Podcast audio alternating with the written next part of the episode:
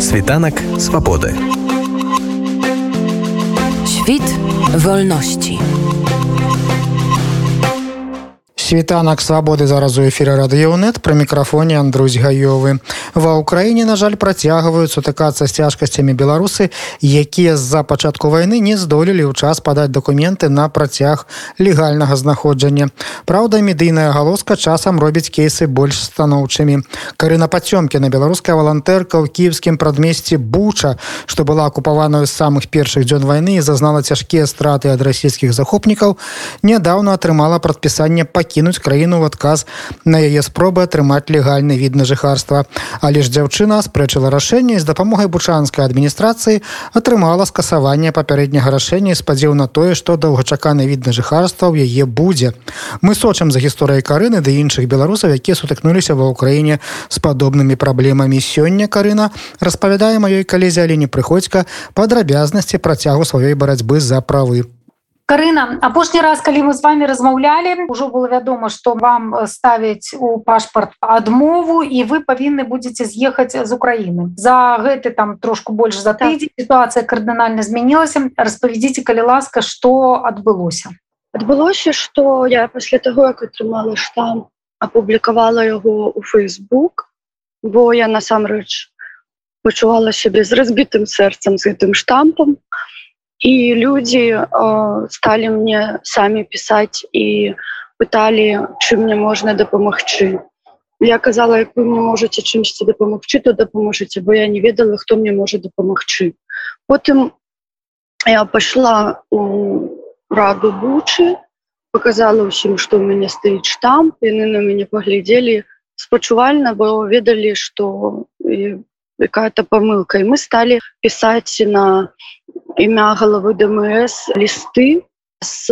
клапатаннем перагледзець мою справу усю якая была я написала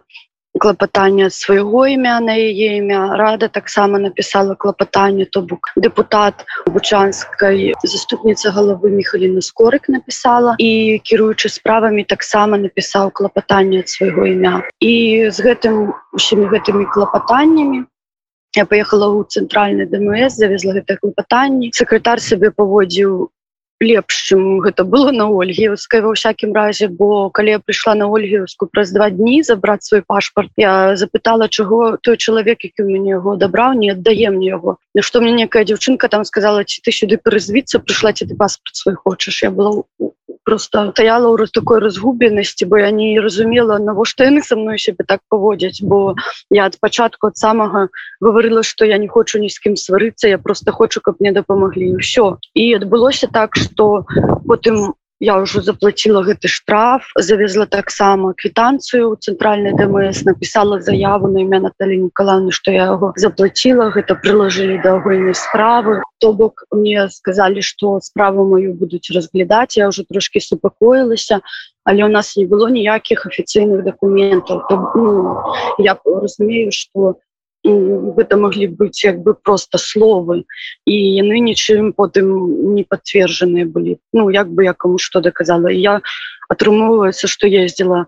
у на эту ольгеўску пытала як мне что рабіць з гэтым штампам яны кажуць что мы яшчэ справу разглядаем. І урэшце рэшце апошні дзень я атрымала э, уже гэтую наказ на руки копію наказа і мне нулявалі штамп я так ну мне першае про гэта таксама сказала э, депутат. То есть э, на 12 часов дня мне позвонила сказала карына куды дзе ты? Я говорю я еду мы она кажа все будет добра думаю сказала что все будет добра мы чакаем только документы вось я потом съездила забрала после обеду документы. Это было я уже не памятаю гадзін наверное три дня. І ўсё і вернулася в бучу з гэтымі документами. Счастливая але ж ануляванне штампа яно ж не пазначае яшчэ легалізацыю то бок вам усё роўна рабіць від на жыхарства. Конечно. Якія у вас ёсць шансы атрымаць гэты від ці ёсць у вас адпаведныя падставы і дакументы для таго? Ну э, я так зразумела як мне сказали юрысты что э, гэтым рашэннем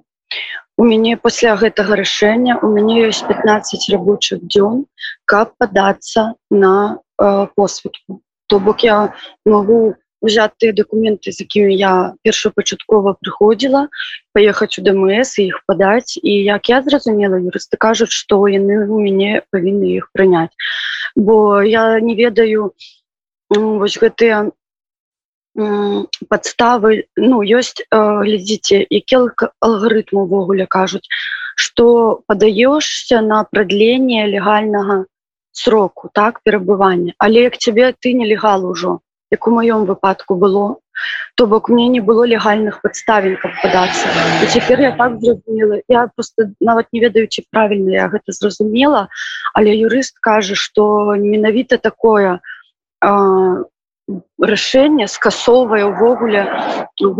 всякие пытанні по легальнасці. Разумееце пра што кажу Ну то бок гэта вызначае что вам не надо працягваць тэрмін знаходжання а просто на ново зразумела. Да я таксама так з юрыстам паразмаўляўшы зразумела гэта так. То будзе на наступным тыдні я так разумею вядома так гэта ці не было панядзелак і я буду ўжо поеду верно на богдана хмельніцкага сразу да начальніка і буду пытаць што мне якія дакументы мне патрэбны і як мне э, падацца каб у мяне не было такога як адбылося перад гэтым што ніхто не разглядаў іх ніхто там не шукаў ніякіх дакументаў нідзе і каб было э, вядома што рабіць як у цябе такое атрымалася і цябе ў паспарце штам бо як я з юрыстамі размаўляла я раз э, э,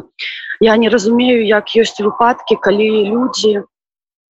подаются после того як яны нелегально находятся ў стране на продленне срока. Бо мне нават э, гэта объяснялі ў цэнтральным дмс яны мне казалі что ты не можешь податься на продленне бо ты нелегалка. Не, ну, вот няма такой процедуры увогуле і таму я ўжо ну э, разумела что толькі э, ісці там і з гэтымі лістамі каб яны штосьці ну як ёсць ну каб гэта як-небудзь вырашылася і наколькі я разумею что такое рашэнне адразу як бы анулюе твои праблемы з легалізацыяй бо гэта э, я возьму гэты таксама наказ пойду туды я уже буду там глядзець як бы як у мяне будзе справа. Скажуць мне падаўжаць тэрмін ці, ці возьмуць яны адразу документы я уже буду бачыць у панядзел разумееце так карына у сеціве вось гэтыя выпадкі ваш выпадак анісій там ну такія гучныя справы. Ёсць такія меркаванні у некаторых беларусаў что ну гэта ўсё атрымліваецца бо вы самі там дзесьці скасоўваеце тэрміны не ведаеце заканадаўства ну то бок что называется самі вінаваты Вось прынамсі у вашай справе конкретно у вашым кейсе ёсць насамрэч нейкая ваша вінаць гэта сапраўды памылка бо а, я распавядала ўжо ўсім ДМС на пачатак войны мы ведаем што ён не працаваў але з першага 06 яны сказалі што будуць прымаць у беларусу документы так як я не мала тымчасовай посведкі дагэтуль ніякай але легальна знаходзілася на тэрыторыі Украіны раілася з юрыстам кажу як мне быць вось я такая і ён ДМС напісаў адвакацкі запад дзе пытаў як у яе заканчивается тэрмін перабывання як яго падоўжыць і так просто атрымалася что яны Мабыць вы павінны разумець что сітуацыя зараз в Украіне складаная краіна воюе краіна воюе по-сапраўднаму і гінуць людзі. І Мачыма у ДМС просто не заўважылі гэта пісьмо але потым э, я ну, пачала думаць што мне рабіць далей. Мачыма яны просто знайшлі і зразумелі што я не скрывалася що я ну, пытала легалізавацца я хотя б потэлефанавала пасля того як мы не получили адказу я потэлефанавала на гарачую лінію дзе мне сказали да чакайце кончыцца вайна А як мне перадвигацца я кажу они кажуць мы не ведаем пакуль я ну, что вообще рабіць ну,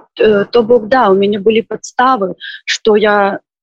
дзейсна звярталася разумееце гэта документы юрыдычныя і іх не можна сёння загубіць іх дзесьці ці яшчэ что-нибудь і по гэтаму я не хотела ідці ў суд хотя многія юрысты казалі что у екіпе суд не пайшла ўсё роўна я бы ну з гэтымі документамі было б э, разумова что ну, мае віны ў гэтым няма бо яны гэта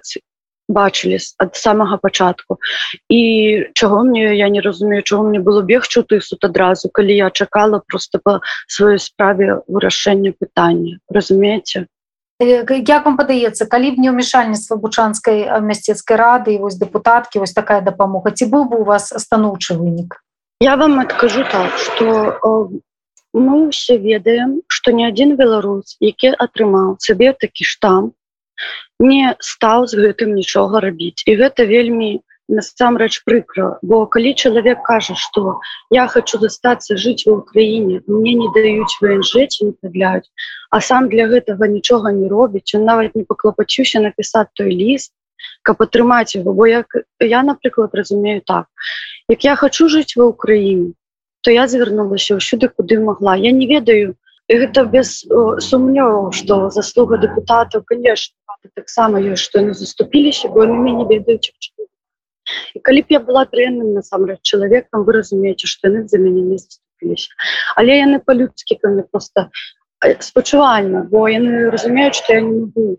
поехать ту Польшу бо я не хочу я каб хотела тут з'ехаў і просто я так для сябе зрабіла такі вывод что ні адзін беларус які атрымаў такі штамп ці праблемы ў міграцыйнай службе далей не пашу ён ціхонечка з'ехаў дык як навошта вы гэта робіце мне хочацца попытаць як вам мне сёння няма чаго хлусіць вы адэкватны нармальны чалавек вы шчыра дапамагаеце краіне от як у маём выпадке віно адбылося то я пайшла попытала попросила дапамогі попросила перагледзець яны яе перагледзелі перагледзелі станоўча Ну, то бок разумееце фармальна так гэта памылка супрацоўніка міграцыйнай службы з гэтым супрацоўнікам міграцыйнай службы усе ведаюць што быў дыялог примерно такі.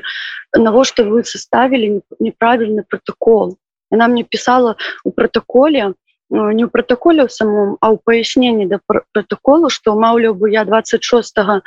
приехала з целью легалізацыі 26 2021 года. Я кажу вы разумееце што ў мяне не пасталяваныя документы что каб я приехала з мэтай легалізацыі у мяне былі бы апостель я подготовилась. А так я говорю вымушана збегла збегла так что ну э, гэта як бы тоже стресс пэўны для цябе. Бо э, сёння збегчу з краіны за як я збегла таким цяжкім шляхам і потым яшчэ тут і потом адчуль адбываецца яшчэ трэба бегчы. Але я не хочу нікуды світанак свабоды Świt wolności.